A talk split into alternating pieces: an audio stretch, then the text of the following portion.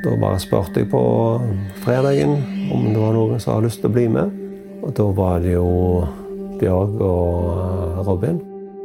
Seint i januar 2021 drar tre av Forsvarets ansatte ut på en treningstur over fjellet Borga på Jan Mayen. På veien hjem blir underlaget brått revet vekk under fotene deres. Rekker så vidt å bare ta et skritt til, så kjenner jeg bare at eh, beinet blir skudd vekk under meg. I de samme sekundene så visste jeg at det var et snøskred. At vi sklei ned igjennom.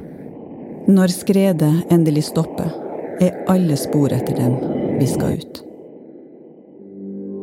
Hør skredet på Jan Mayen i våre historier.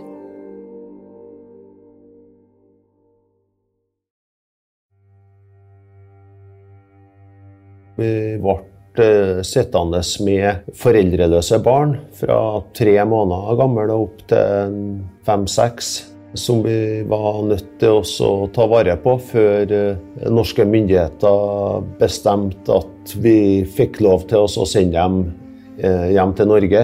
Det er ganske merkelig, men der og da så var det mye vondere å forholde seg til de foreldreløse barna enn skadde barn, eller skadde voksne for den saks skyld, som var sterkt og alvorlig skadd, eh, som vi også fikk inn både samtidig og etterpå.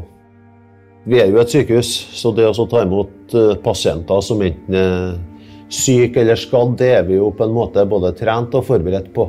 Og da kan vi faktisk gjøre noe. Med foreldreløse barn så er, det, er du spilt sjakkmatt med en gang. Det eneste du kan gi dem, er, i den grad du klarer det, da, det er et fang å sitte på.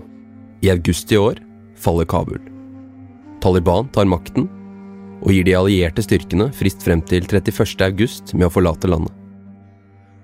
Personellet på feltsykehuset er sammen med noen spesialsoldater de siste norske soldatene på afghansk jord. Ukene og dagene opp mot exiten er dramatiske. Du hører siste episode av historien om Afghanistan, Exit. Jeg heter Thomas Haraldsen.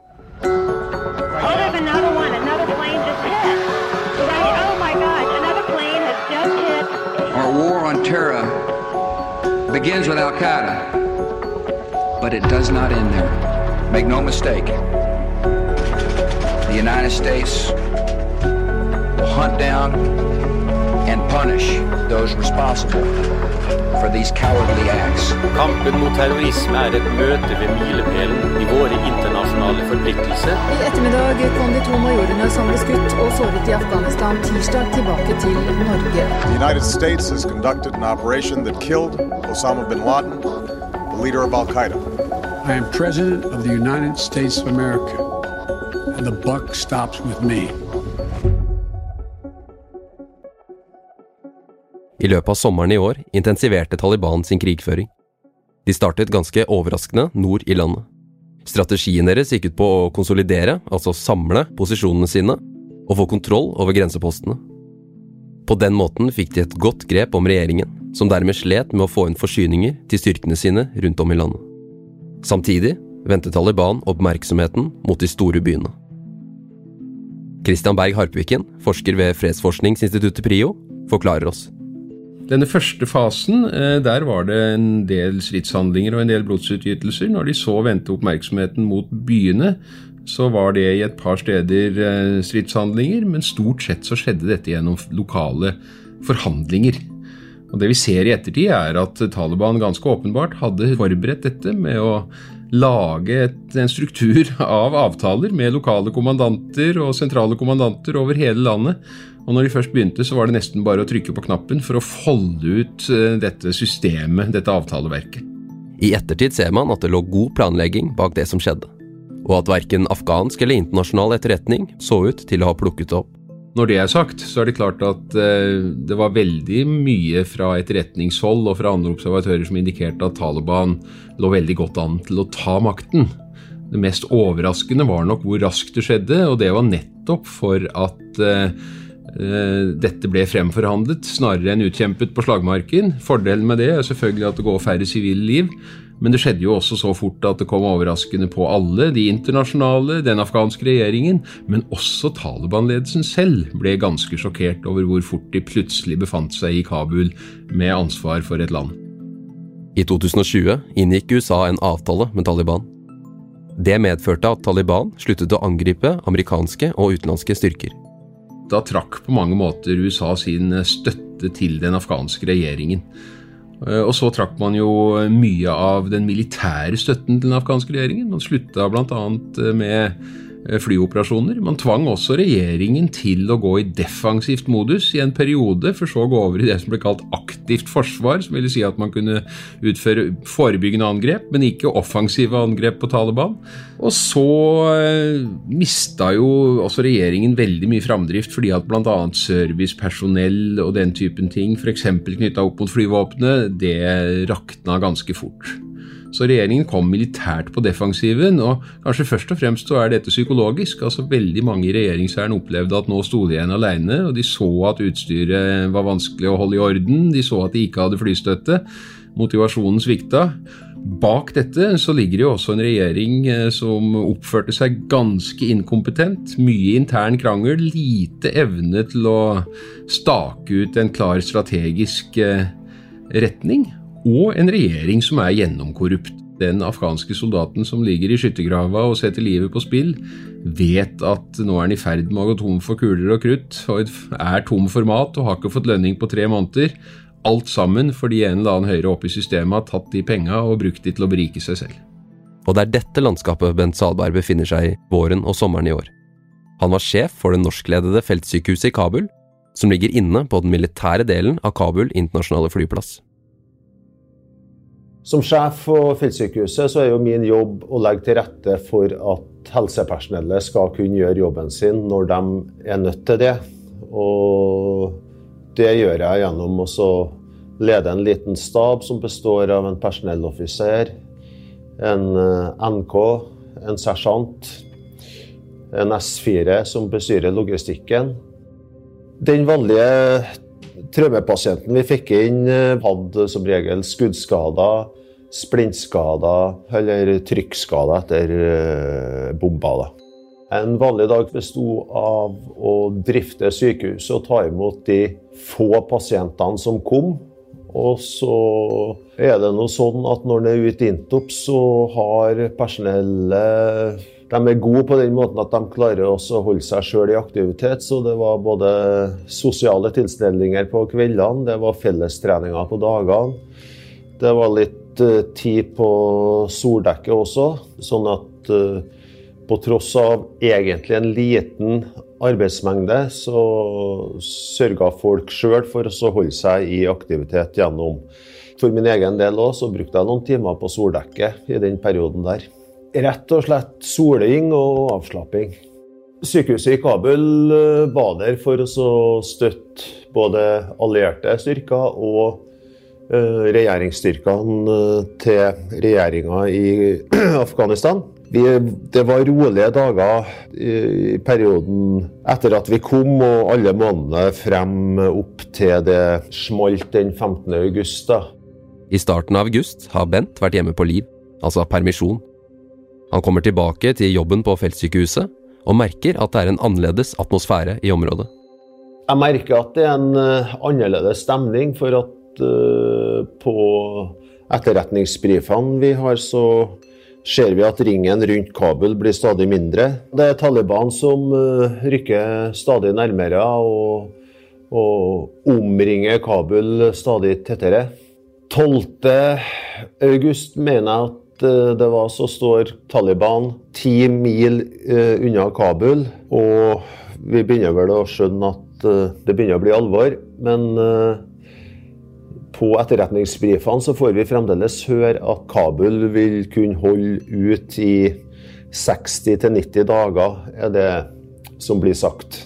Det reflekterte jeg ikke så mye over da. da når det ble sagt, så trodde jeg vel at det faktisk stemte. Men de, eh, for hver dag så rykker de nærmere. og 14.8 så får jeg telefon fra ambassaden om at de kommer til å trekke inn til flyplassen eh, neste dag. Så natt til 15.8 så rykker norsk ambassade inn på flyplassen.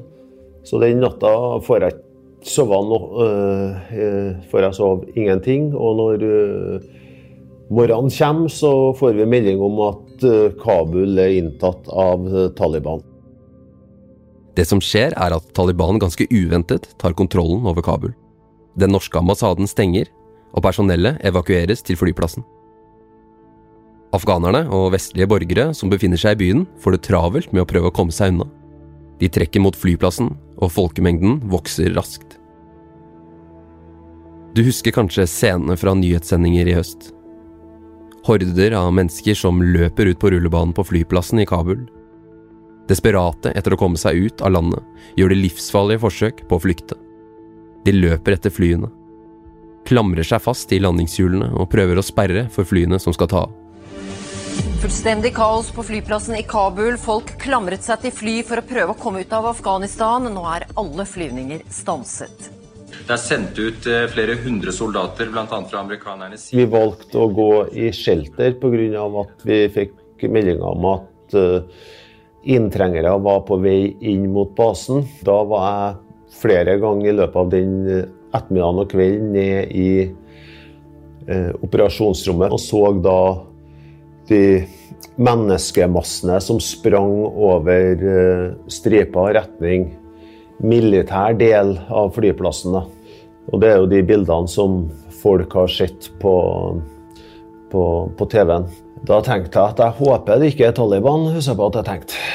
Og det var de øyeblikkene i løpet av uh, oppholdet mitt der jeg faktisk var bekymra. Sterkt bekymra amerikanske, eller mest amerikanske, men også delvis tyrkiske sikkerhetsstyrker klarte å, å stanse menneskemassene til slutt. Og, og, dagen etterpå så var det jo fremdeles mennesker ute på rullebanen der, men de brukte både ja, bakkemannskaper og faktisk helikopter for å eh, presse menneskemassen tilbake. Da. I ukene opp mot de dramatiske dagene i midten av august hadde både NRK og TV 2 reportere på bakken i Kabul. I perioden før 15.8 så hadde jeg vært i kontakt med både eh, Fredrik Gressvik fra TV 2 og Yama Wolasmal fra NRK. De var i Kabul og, og jobba. Men uh, begge hadde fått lovnader fra meg om at de skulle få lov til å komme inn til oss hvis det dro seg til. Bortsett fra alt sammen som skjedde utafor uh, i Kabul by og utafor portene, så uh, ble jeg kontakta av Yama. Da hadde han blitt lovt uh, plass på logflighten som skulle gå dagen etterpå. Den gikk aldri, selvfølgelig. Når uh, Yama tar kontakt, så sier jeg jo at han, han, får bare komme seg til, til gaten hans, så skal vi få han inn. Så kom han til gaten 3-4 den dagen. Da var Abbey Gate, som den gaten heter da, Eh, allerede stappfull av eh, fortvilte afghanere som ville inn. Og når jeg endelig får den inn, så er det ved hjelp av eh, fire unge befal fra sykehuset mitt som drar ut og i samarbeid med britiske styrker får Yama inn. Og det var faktisk noe av det som det var et ansvar som det kanskje er unaturlig at en sykehussjef har, men jeg var da, etter at ambassaden dro klokka ett den natta, så var jeg øverste norske myndighet i, igjen i Afghanistan og følte veldig på det ansvaret for å ta vare på de norske statsborgerne som vi kjente. Da. Og ja, jeg ble veldig glad når eh, Yama kunne komme inn. Nå er Bent og soldatene på feltsykehuset de eneste norske igjen på flyplassen. Situasjonen utvikler seg time for time. Hjemme i Norge bestemmer FOH, Forsvarets operative hovedkvarter, at de trenger støtte. Derfor sendes det spesialstyrker inn til Kabul. Samtidig kommer den norske ambassadøren tilbake til Afghanistan.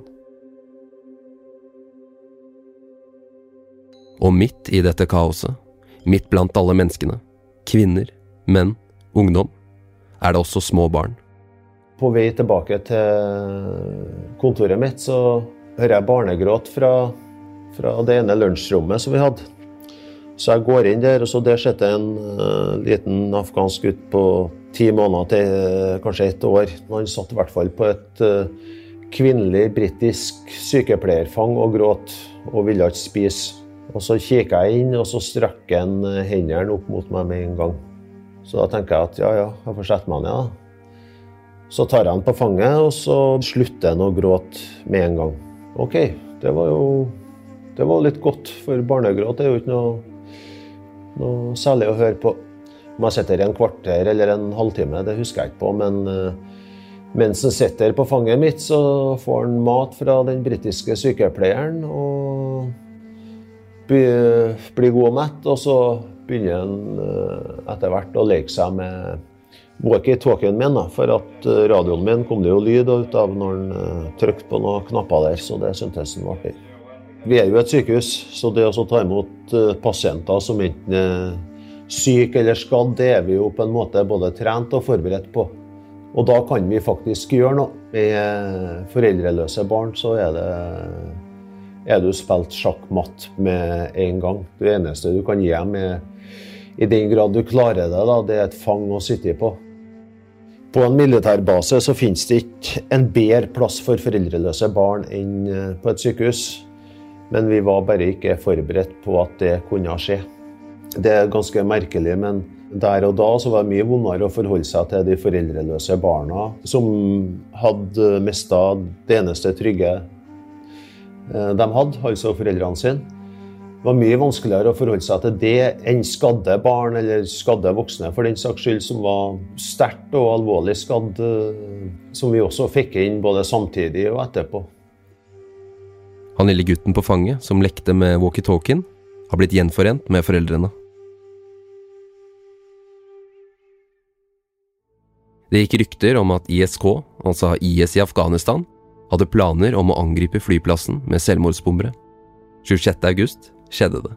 Situasjonen, som allerede da var krevende, ble på kort tid enda mer dramatisk. De norske soldatene måtte nå fungere både som det sykehuset de skulle være, og behandle mange hardt skadde personer, men samtidig fortsette å ta vare på de som hadde kommet inn i leiren.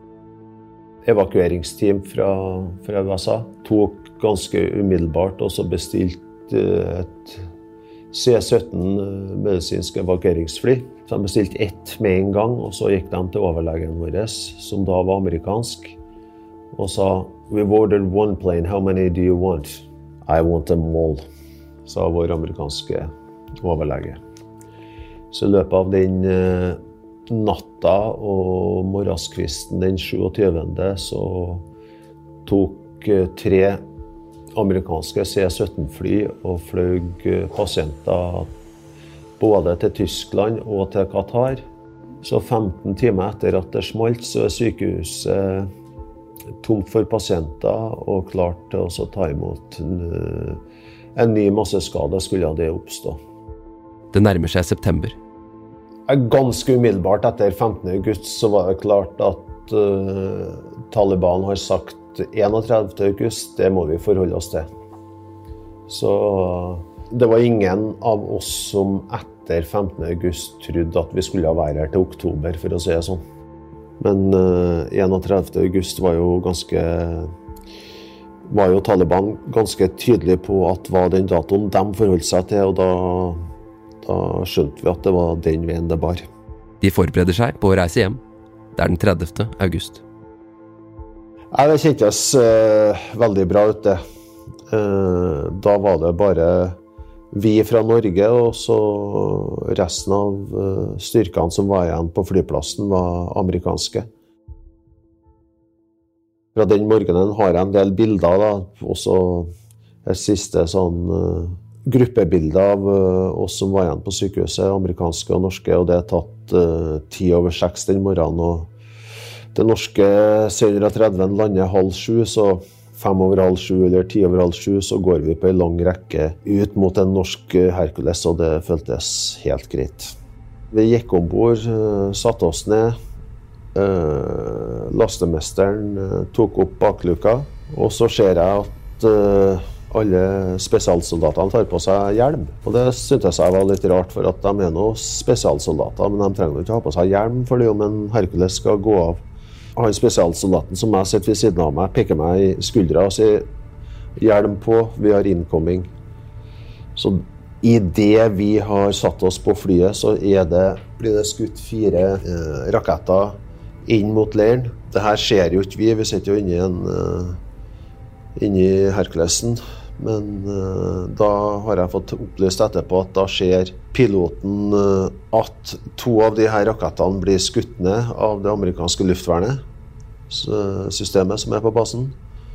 Og så er det vel to av dem som lander en eller annen plass i, i leiren eller på stripa uten å gjøre veldig stor skade. Og da velger den norske piloten å begynne å takse mot rullebane for å ta av. Og da tar vi av. Vi må, flyet er så tungt for oss, så, så tungt at lastemesteren beordrer oss som sitter i den bakre halvdelen av flyet, om å trekke helt bakerst for oss å få om det er for at vi skal kunne ta av raskere eller øh, stige raskere, det er jeg usikker på. Men øh, da sitter vi på kne og på huk bakerst, både sykepleiere og spesialsoldater sammen mens flyet stiger. På et eller annet tidspunkt så skjønner vi at vi er ute av eventuelt fare. da, så... Hercules-flyet som akkurat har tatt av, setter kursen mot Tiblisi i Georgia. Etter en kort mellomlanding tar soldatene et SAS-fly hjem til Norge. På ettermiddagen 30. august lander de på den militære delen av Oslo lufthavn. Der blir de tatt imot av bl.a. Jon Reichelt. Han er sjefen for Forsvarets sanitet, som hadde ansvar for feltsykehuset. Så jeg sto der med en sånn rar blanding av stolthet og lettethet, for jeg var veldig glad for å få dem hjem. Det var høy risiko på slutten, så jeg var veldig, veldig glad for å få dem hjem. Og Sjefen heter Bent, og han er en kar jeg har kjent veldig lenge. Og som jeg sa til han, jeg aldri trodde jeg skulle bli så glad for å se deg, Bent. Så han fikk en god klem, så blåste det i smittevernet, og så ble det en klem isteden. Så det var veldig godt å se dem igjen. Ja, han sa det at han trodde aldri at han skulle bli så glad for å se Bent Salberg, sa han. Reichelt er psykiater og reflekterer rundt Norges rolle i Afghanistan, og hvordan den har påvirket både soldatene og Forsvaret som helhet. Det siste runde i Afghanistan nå, det var en veldig spesiell situasjon hvor norske soldater sto og så på. Fordi de skulle hente ut folk, og de skulle ikke delta på en måte i krigshandlinger. De skulle ikke bruke våpen helst, annet enn i selvforsvar. Og det betyr at de ble stående som tilskuere til ganske dramatiske hendelser. Og det er noe soldater ikke er spesielt glad i fordi de egentlig er trent til å handle. De er trent på å nedkjempe fiender, altså de er trent på å gjøre noe. Så det oppleves som veldig belastende, kanskje litt merkelig for andre å, å være med på, men, men, det å stå og se på og ikke kunne gripe inn, det er fryktelig belastende. Så jeg tror vi i løpet av Afghanistan har lært oss litt mer om både hva det betyr å sende folk i krigen, og konsekvensene av det. Tror jeg vi har blitt litt flinkere til å håndtere i løpet av Afghanistan-krigen. Og det er klart at Når du er involvert i en krig, og nøkternt sett så har jo vi støttet den parten som tapte denne borgerkrigen. Jeg hørte at Hvis du da tar liksom ansvar for det, så blir det der plutselig ganske tungt. Søren, jeg liksom, jeg tapte krigen. Men det er jo ikke sånn det er. Og det jeg merker at jeg er veldig tydelig på at nei, jeg var soldat i Afghanistan, jeg gjorde jobben min bra. Jeg og de jeg var sammen med, vi sørget faktisk for at unge kunne gå på skolen, at folk var trygge der vi var, vi løste oppdraget, vi arresterte banditter, vi gjorde de tingene der. Og det var det jeg var der for, og det gjorde vi veldig bra. Og det store bildet er egentlig ikke mitt ansvar, sier de. Det er faktisk altså politikere og ledelsens ansvar. Så veldig mange er flinke til å rydde i det der greiene der. Som det er klart, Hvis du påtar deg liksom ansvar for hvordan det går i verden, så er det svært, altså. Da blir det svært og tungt å bære. Men så er jeg overrasket over hvor flinke folk er til å rydde på det der med ansvar. Og de fleste jeg har snakket med, sier at de gjorde en meningsfylt og viktig jobb der de var, og i den tiden de var der, og det er det de legger vekt på. Og de har gjort en formidabel jobb. Jeg tror Norge er blitt flinkere på å sende soldater i krig i utlandet. Og det er fordi det har vi drevet så mye med de siste 20 årene at vi er blitt mye proffere på det. På å forberede folk på det, på å gjennomføre det og ta imot folk er vi blitt flinkere på. Og det har vært mye læring. Og vi har fomla litt underveis, men vi har blitt bedre på det. Men de siste 20-25 årene så har internasjonale operasjoner vært viktig, så nå prøver vi å bruke erfaringene, den profesjonaliseringen som har skjedd i løpet av de 20-25 årene, prøver å bruke det når vi nå forbereder forsvaret av Norge. Så ikke vi mister den erfaringen igjen. Christian Berg Harpviken har også gjort seg noen tanker om hvor Afghanistan står i dag, høsten 2021. 20 år etter at norske soldater gikk inn i landet for første gang. Det er ingen tvil om at det Afghanistan vi ser i dag, er veldig forskjellig fra det vi så det i 2001. Eller for den saks skyld det Afghanistan som Taliban tok over for 25 år siden, i 1996, da de kom til makten. Eh, ved begge de tilfellene så var Afghanistan et land med veldig svake institusjoner. Veldig mye av dets høyere utdanna befolkning hadde flykta. Eh, de hadde ingen nyere historie med mediefrihet, ytringsfrihet, aktivt sivilsamfunn. Og de hadde ingen eh, regjeringsinstitusjoner å snakke om. I dag finnes alt dette. Og vi ser jo at når det gjelder eh, regjeringsstrukturen, så ønsker Taliban å forsøke å ta vare på den. Nå er det en god del folk som stikker, evakueres. Eh, det betyr jo hjerneflukt i, i Talibans øyne. Og så får vi se om det at så mange har fått utdanning og har levd i et eh, eh samfunn hvor iallfall det har vært ytringsfrihet og en grad av demokrati, om det er noe Taliban vil vise respekt for og gi plass for framover, eller om de vil forsøke å kvele det. Vi vet jo at i Afghanistan i dag finnes eh, altså Én ting er at IS finnes der, de betrakter jo Taliban som fienden. og de har beholdt IS-fangene i fengsel mens de har sluppet ut sine egne folk. Men eh, Al Qaida er jo en annen sak. Eh, det finnes helt opplagt en del sentrale Al Qaida-folk i Afghanistan i dag, og det er Taliban-ledere som er vertskap for dem.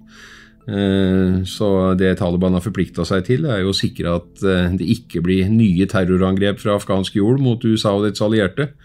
Men det forsøkte de også på 90-tallet uten å lykkes, så de skal legge veldig bånd på disse gjestene sine. Helst eh, putte de i kasjotten og holde full kontroll på de, eventuelt overlevere de til andre for å være sikre. Et 20 år langt oppdrag er avsluttet. Norske soldater har bidratt og tjenestegjort for Norge og Nato og en amerikansk allianse. Erlend var en av de aller siste norske soldatene i Kabul. Da selvmordsbomben gikk av utenfor feltsykehuset, var han på jobb i ambulansemottaket. Hjemme i Hustadvika, rett utenfor Molde, sitter foreldrene og følger med på nyhetene. Moren til Erlend forteller om hvordan det var å vente akkurat i den perioden han var nedover, så var det liksom, liksom før og etter bombeangrepet. da, Når den, eh, den sprang. Da, da gikk du konstant med en sånn der eh, klump i magen altså, og liksom lurte på hva skjer nå, hva skjer nå. Timene etter angrepet går. Endelig tikker det inn en melding. Hei, det har vært en ganske tøff dag i dag. Vil ikke utdype noe særlig om det, siden jeg ikke kan og klarer det ikke enda. Men jeg har det bra og er omringet av gode mennesker. Jeg bare skrev at takk for melding, glad i, glad i deg, vi også, skrev jeg. For han skrev at han var glad i oss, da. Vi prøvde jo på en måte, når, når det kom til det punktet her, så, så, var vi veldig sånn Vi var liksom enige om at vi skulle ikke belaste han med vår frykt, da. Eller vår redsel. Vi skulle heie han fram og på en måte ja, være stolt da, over det, den jobben som han og, og kollegaene hans gjorde nede der, da. Et par dager etter dette flyr Erlend ut sammen med Bent. Så da var det Da ble det noen sånn gledestårer på morgenskvisten der, da.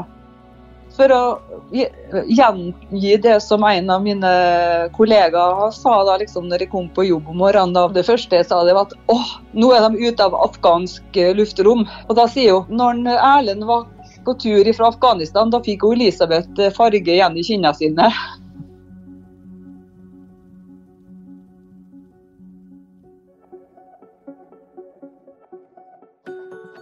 Dette var siste episode i serien om Afghanistan. Vi kommer med en ny historie om noe helt annet ganske snart. Historien om Afghanistan er laget av Fredrik Tandberg, Hege Svanes, Renate Gjerald, Kristine Hellesland, Anders Fjellestad og meg, Thomas Haraldsen. Lydetterarbeid er av Fridtjof Nilsen. Takk til Fredrik Ringnes og Ole Andreas Vekve. Lydklippene i denne episoden er hentet fra NRK.